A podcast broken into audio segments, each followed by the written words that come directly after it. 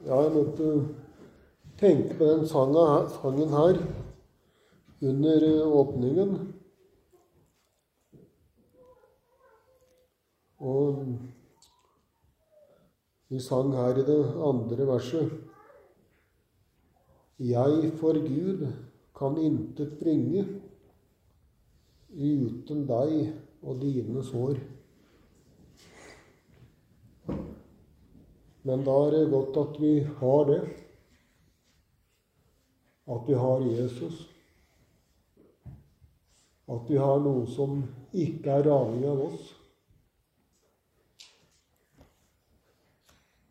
Da kan vi bli velsigna, selv om vi fortjener å bli forbanna. For Jesus ble forbanna i vårt sted. Det er vår redning.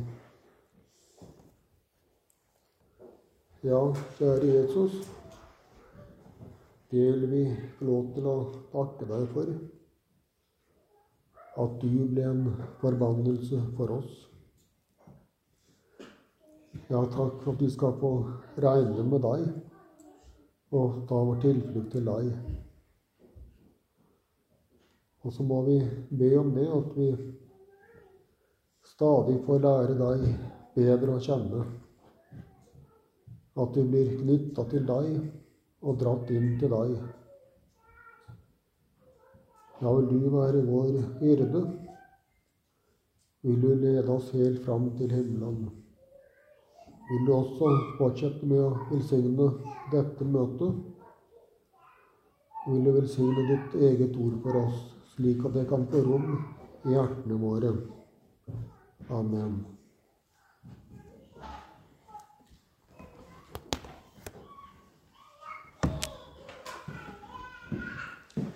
Ja, vi skal lese i begynnelsen av Johannes 10.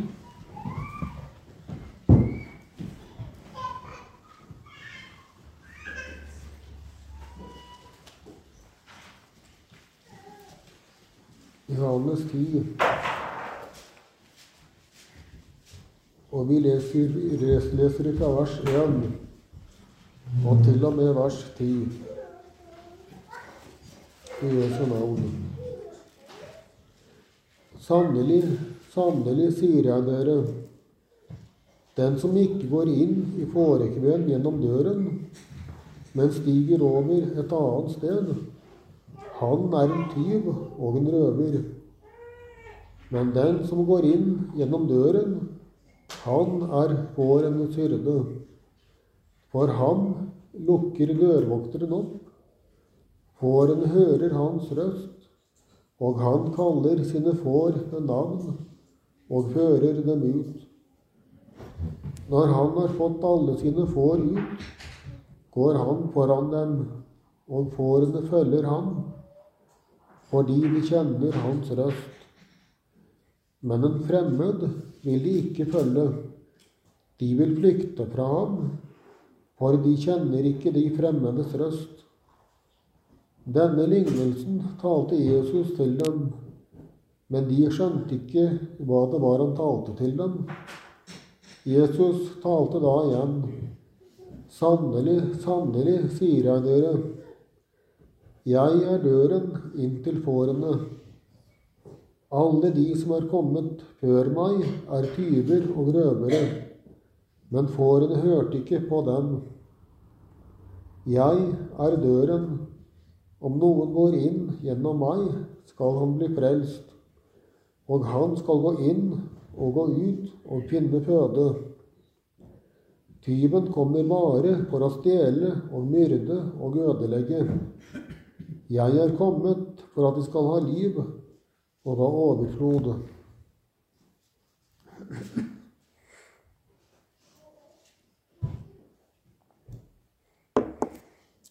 I kapittelet foran, i kapittel 9, så leser vi om, om en mann som blir helbreda. Det er en som er født blind.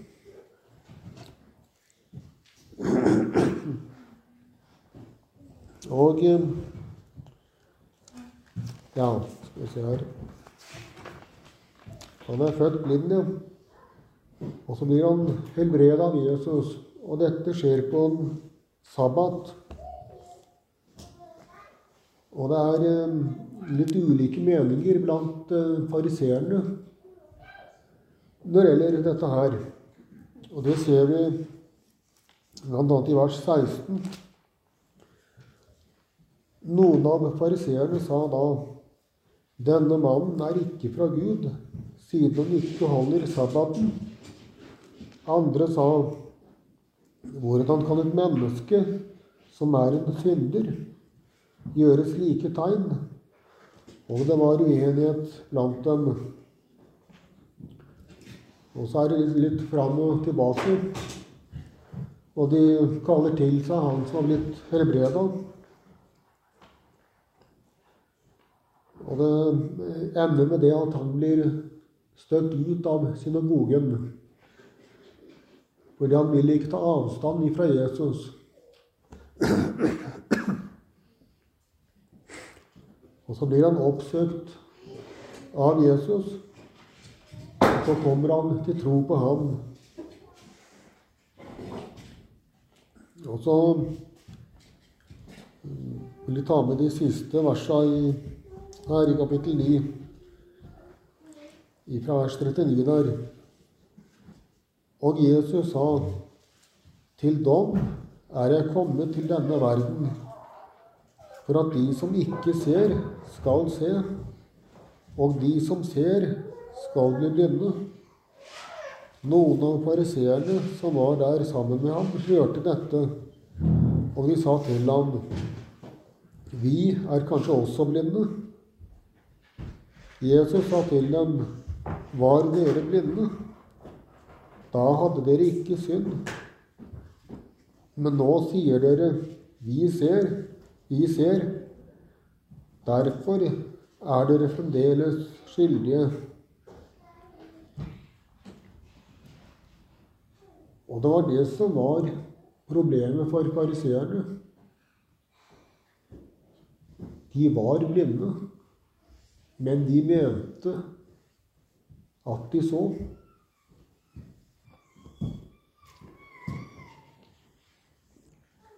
Og det er nok også den denne lignelsen er myntet på.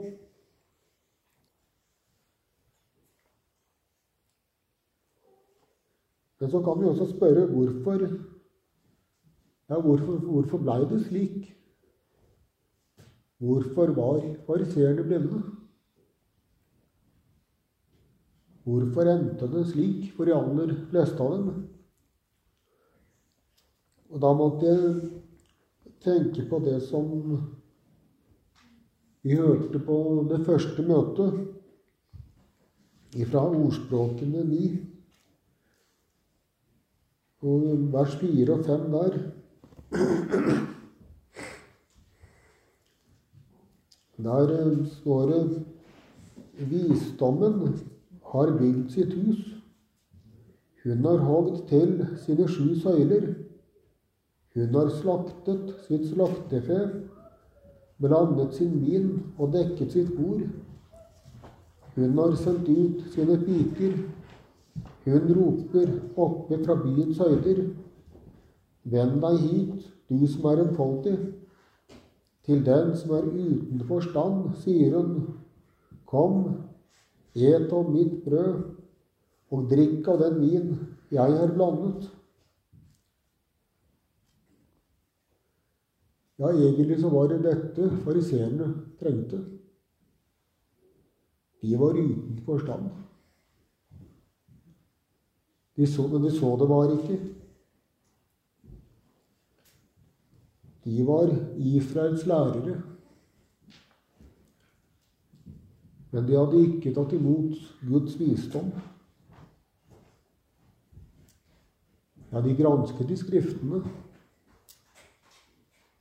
Men de kom ikke til ham som Skriftene vitnet om.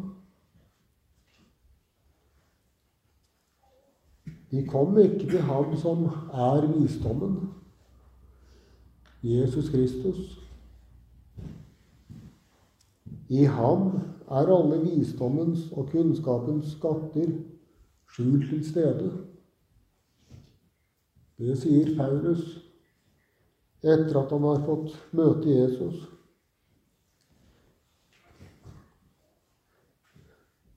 Så problemet til fariseerne det var egentlig ikke at de hadde for lite kunnskap.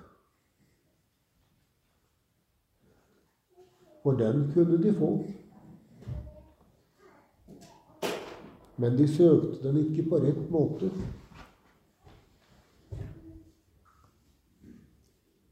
De søkte det evige liv. Men de søkte ikke Han som var livet. De mente at de kunne komme inn i Guds rike og være hyrder og veiledere uten Jesus. Men det er umulig. Det ser vi av det som, det som vi leste i teksten her, og som Jesus sier i vers 1. Sannelig, sannelig, sier jeg dere, den som ikke går inn i fårekven gjennom døren, men stiger over et annet sted, han er en tyv og en røver. Det veit vi også fra dagliglivet. Det er jo slik at hvis du skal besøke noen, da kryper du ikke inn gjennom et åpent vindu. Da går du inn gjennom døra. Og hvis det er slik at døra er låst, eller kanskje du ikke er venta,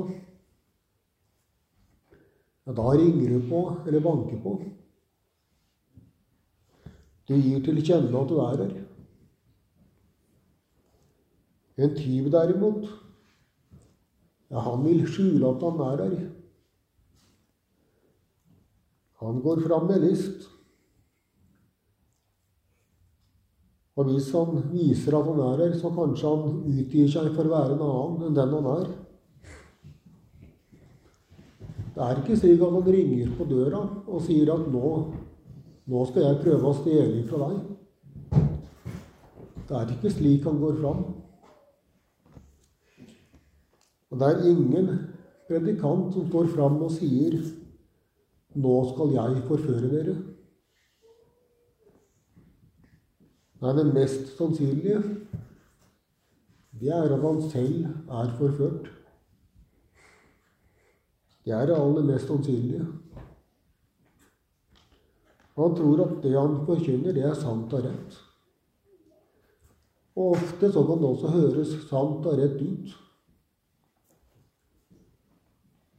Men han har ikke gått inn gjennom døra, som er Jesus. Og det er jo slik at hvis du skal lede andre til et sted, da må du selv kunne veien til det stedet. Det er, det er sånn som vi synger i, i det siste verset i, i sang nummer 494. Men først da kan du lyse for Jesus når ditt alt er lagt ned for hans fot. Vil du vinne, ei hindre de andre, må du selv tvettes ren i hans blod.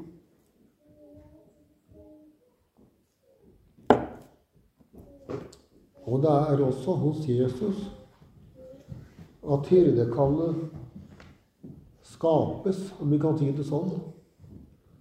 Og det er der det gis. Jeg måtte tenke på noe som står i 1. Peters brev 5, og vers 1-4. Der sier han noe om, om hva hyrdekallet innebærer. De eldste formaner jeg som medeldste og vitne om Kristi lidelser og som en som også har del i den herlighet som skal bli åpenbart.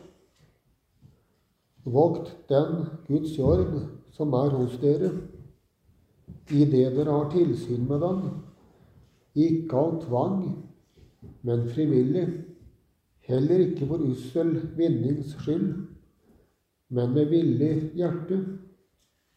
Heller ikke som herskere over menighetene som er betrodd dere, men slik at dere blir forbilder for jorden. Når så overhyrden åpenbarer seg, skal dere få ærens umistelige krans.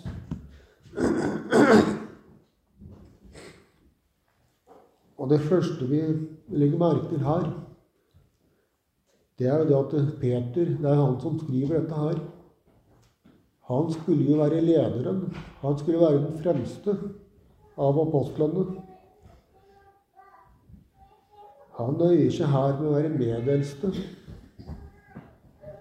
Han er på like fot med de andre som har tilsynsansvar i menighetene. Han er ikke opptatt av å markere seg og stå over de andre. Men han formaner de andre til å ikke være herskere, men til å være forbilder for dem som de er hyrder for.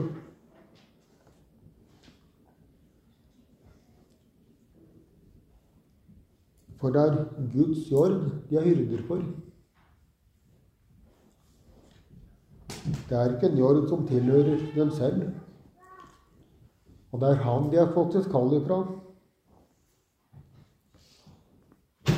Ifra Jesus, han som er den gode hyrde. De samler ikke om seg selv eller om sin egen person. Men de samler for Gud og for Hans rike.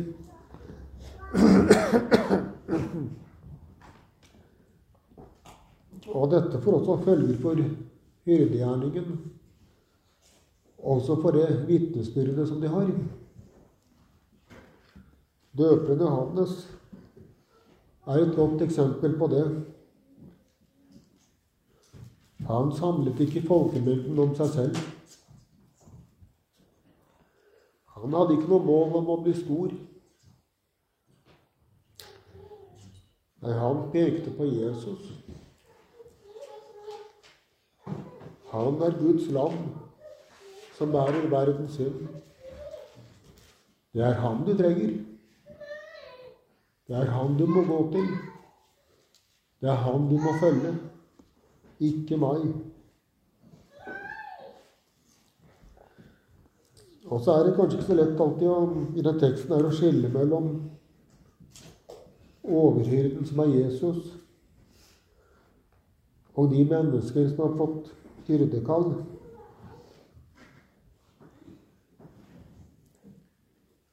På den ene side så står det om å gå inn gjennom døra. Og døra, det er jo Jesus. Det er menneskene som, som går inn gjennom døra. Men på den annen side så står det også om å bli kalt med navn. Og det er jo Jesus og Ånden som gjør. Det er Han som kaller oss med navn. Det er Han som gjør Guds ord levende for oss. Det er Han som taler inn i slik som vi har det, i hjerte og sinn. Men så er det kanskje ikke så helt uforståelig allikevel, egentlig. Vi lærer jo det i lærer det at vi tror på en treenig Gud. Faderen, Sønnen og Den hellige ånd. Og så står det i, i Romerbrevet 8, 9 og 10 Men dere er ikke i kjødet. Dere er i ånden, så sant Guds ånd bor i dere. Men om noen ikke har Kristi ånd, da hører han ikke Kristus til. Dersom Kristus bor i dere. Da er nok legemet dødt på grunn av synd, men ånden er liv på grunn av rettferdighet. Og her ser vi hvor nøye alt egentlig henger sammen. Og Derfor så blir det slik at eh, det som vi leser om, det handler egentlig både om Jesus og sjelefienden. Det handler om åndsmaktene. Det handler om mennesker.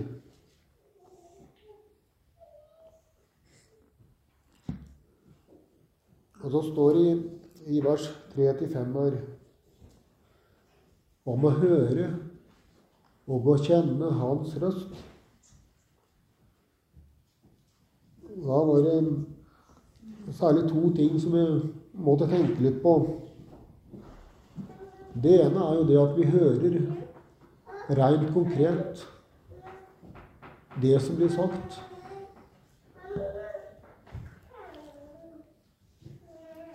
Det står jo om eh, Paulus og Silas sitt besøk til synagogen i Berøa. Og det står jo det at de granska hver dag i Skriftene om det forholdt seg slik som det, ble sagt. Mange av dem kom da til troen.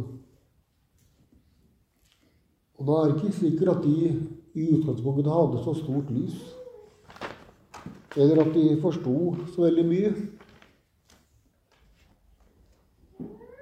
Men vi kan si at de kjente igjen røsten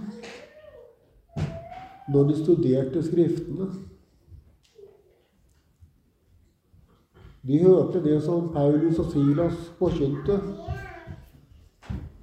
Og så leste de og sammenligna de.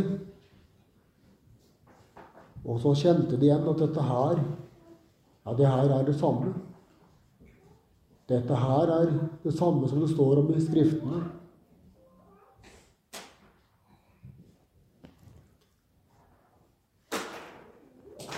Og det første bud hvis du ikke blir forført av falske hyrder og lærere,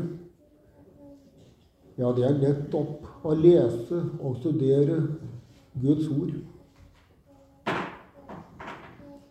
Og det andre som jeg tenkte på, det er selve vitnesbyrdet. Det er kanskje ikke så konkret alltid. Det er ikke så lett kanskje å, å skille nødvendigvis.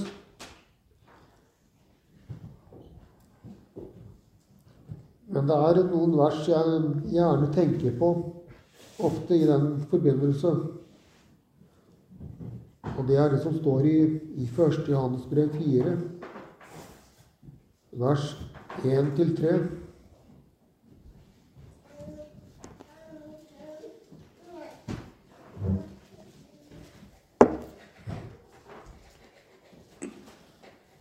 Og der står det Mine kjære, tro ikke enhver ånd, men prøv åndene om de er fra Gud.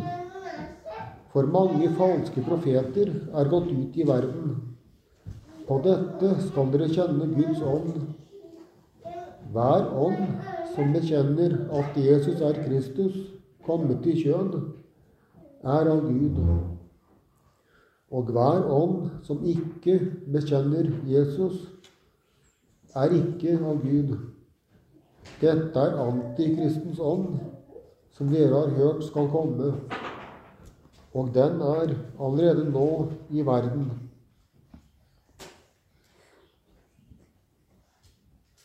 Vi snakker jo gjerne om det noen ganger, at det er åndsmakt i forkynnelsen. Og da blir jo spørsmålet hvilken åndsmakt? er det som er i forkynnelsen? Er det Guds ånd? Eller er det djevelens ånd? Og vi leste jo her hva som kjennetegnet Guds ånd, eller Guds ånds vitnesbyrd. Det er at den bekjenner Jesus som Kristus, eller som Messias. Og det betyr jo den salvede. Han som Gud har lovt å sende til verden.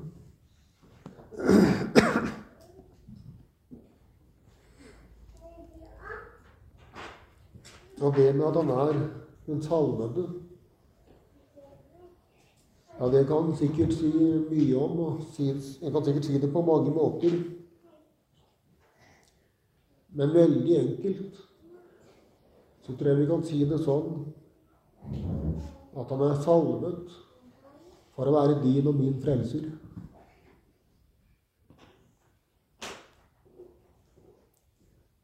Det står jo, eller Han sier jo, sier det selv,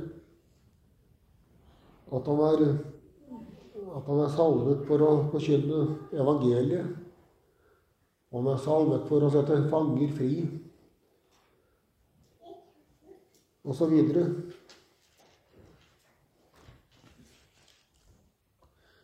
Men det ligger egentlig ingen frelse i det, isolert sett. Det er ingen frelse i bare et budskap. Hvis det på en måte ikke er noe mer enn et budskap. Det hjelper ikke om jeg sier at du skal få 100 kroner hvis du ikke får det.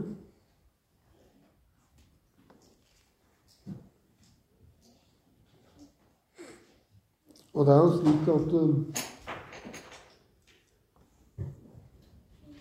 Selv ikke det at Jesus holdt Guds bud til punkt og prikke Ja, selv ikke det holdt for å frelse deg og meg. Men det endra, endra ingenting på vår syndeskyld. Ja, den blir større hver, større dag for dag, uavhengig av det.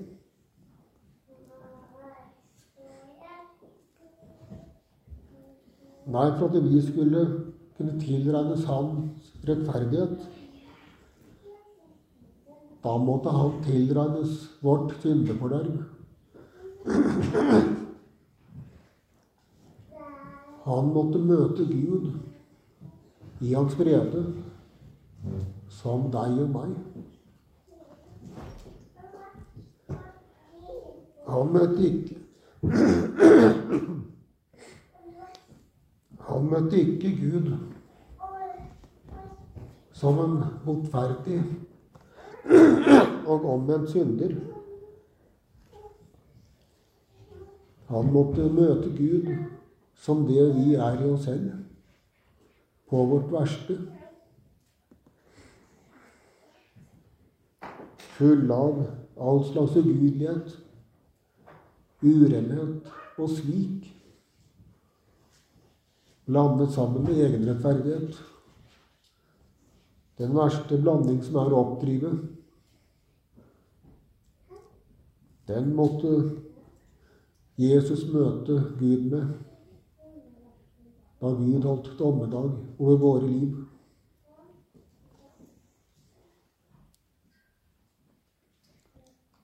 Men nettopp derfor så kan vi også lese i i vers 9 her i teksten. Om noen går inn gjennom meg, skal han bli frelst. Så står det videre og han skal gå inn og gå ut og finne føde. Føde, det er jo det vi trenger for å leve.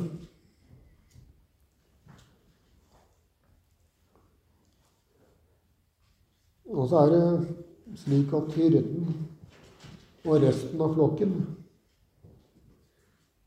de finner føde samme sted. Og de lever av den samme føden.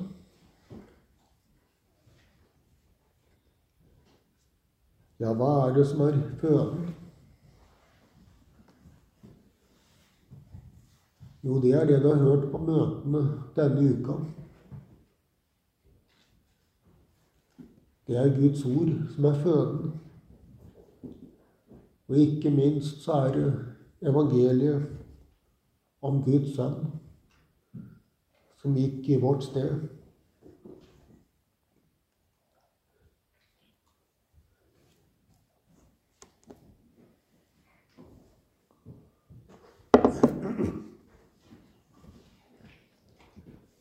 Ja, hvis det er noe som er livsfarlig for oss, så er det hvis evangeliet blir borte fra forkynnelse og vitnesbyrd. For hva er det som skjer da? Og da er livet i ferd med å ut. Jeg måtte tenke på det som står i, i Amos 8,12. Det er et forferdelig vers. Uten håp.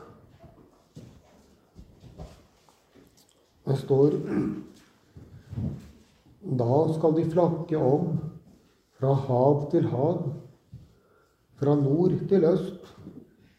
De skal flakke omkring og søke etter Herrens ord, men de skal ikke finne det. Ja, be oss om det blir slik hos oss. Ved oss om det er hos oss vi søker Herrens ord forgjeves. Da er det ikke noe håp. Da er det umulig å bli frelst.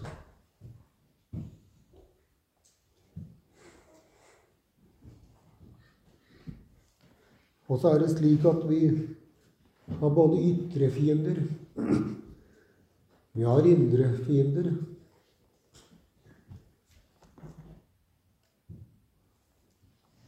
Og så ser vi tida som vi lever i. Og så veit vi det at hvert enkelt menneske og hver ny generasjon må vinnes for Jesus. Det er ikke automatikk i at barna til kristne foreldre blir frelst. Det er det minst selvfølgelig av alt. Og Derfor så må vi forvalte den arven vi har fått, på en slik måte at lysestaken ikke flyttes, ikke føden tas fra oss, tas fra oss. Vi må vokte oss så ikke Guds hellighet forties. For hva er det som skjer da? Da blir det bare religiøsitet igjen. Men hva hvis vi går andre veien, som for å være på den sikre siden? Og da, da velger vi å være litt ekstra strenge. Men da er det en stor fare for at Guds bud erstattes med menneskebud. Regler som ikke har sin basis i Guds ord. Så er det nok det første som er den største faren i vår tid. Vi fristes til å tilpasse oss tidsånden, vår egen onde natur, slik at vi ikke tar oss nøye med synden.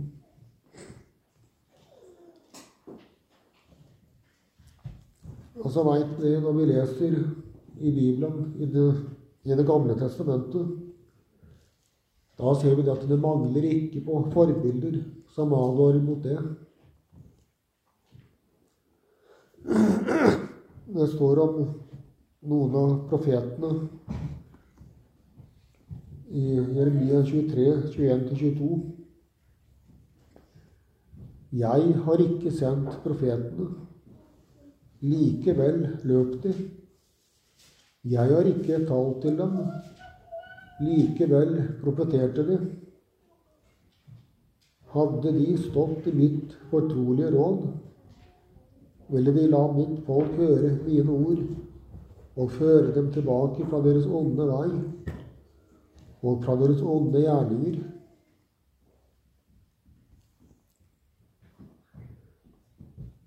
Og Jeremia sier det slik i, i klagesangene 2.14. Da taler han til Jerusalem, som er ødelagt. Dine profeter har ut tomme og dårlige ting for deg, De åpenbarte ikke din misgjerning for å hindre ditt fangenskap, men de forkynte deg tomme og villedende spådommer. Og resultatet, det ser vi bl.a. I, i verset før, i vers 13. Hva skal jeg vitne for deg? Hva skal jeg ligne deg med, du Jerusalems datter? Hva skal jeg sammenligne deg med, så jeg kunne trøste deg? Ja. Du jomfru Sions datter, for stor som havet er din skade. Hvem kan lege deg? Slik ble det fordi de lyttet til de profetene som talte det de selv ville høre. Det som passa for deres onde natur, slik at, de kunne, slik at de fortsatt kunne leve i synd, i bevisst synd. Derfor så gikk det sånn med dem. Og så var det slik at Herren var langmodig. Han drøyde med dommen. Det står at han sendte sine profeter tidlig og sent. Men byen og folket sto ikke til å redde. Og når dommen først kom, ja, da kom den.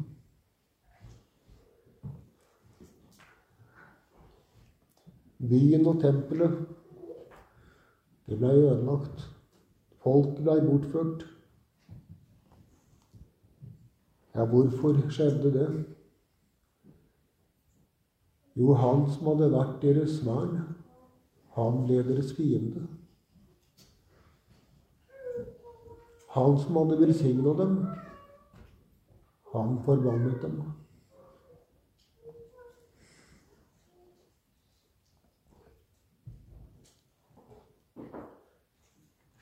Og da blir spørsmålet til oss Hvilken hyrderøst lytter du til? Lytter du til de som står i Guds fortrolige råd og viser den vei som Bibelen viser? Eller lytter du til det som klør deg i øret? Det som er så mye mer behagelig?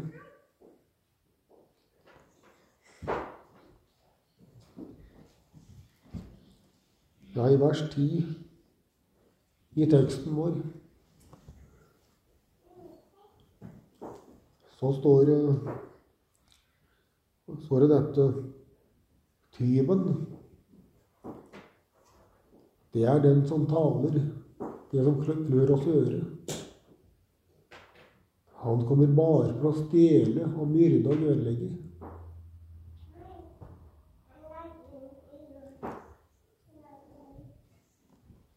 Det er djevelens mål. Det bruker han de falske profeter til.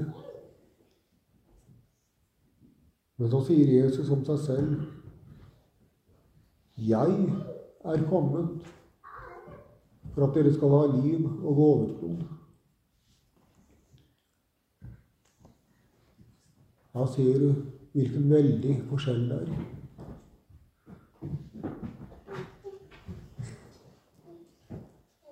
Ja, da forstår du hvor avgjørende det er at du følger rett hyrde. Men hvis du skal følge rett hyrde, da må du høre på skjell, på hyrderøsten og på tyvens røst.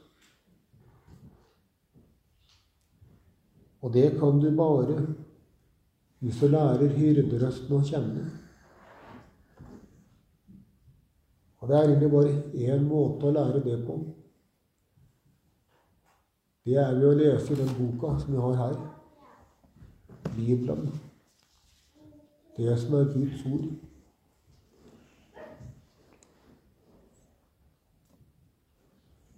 Så skal vi ikke forakte oppbyggelig litteratur. Vi skal ikke forakte forkynnere vi har tillit til. Men de er ikke ufeilbarlige. De kan ta feil. Og du kan være sikker på én ting. Og det er at jo viktigere en hyrde er i Guds rike, jo mer vil djevelen Jo mer vil han sette inn på enten å få ham til å tie, eller til, til, til å bli uklar, eller kanskje aller helst til å fare med vranglære. Det kan du være helt sikker på. Derfor så må du ikke sette din lit til mennesker. Men du må prøve alt som blir sagt, av det du kan lese i Bibelen. For den er ufeilbarlig.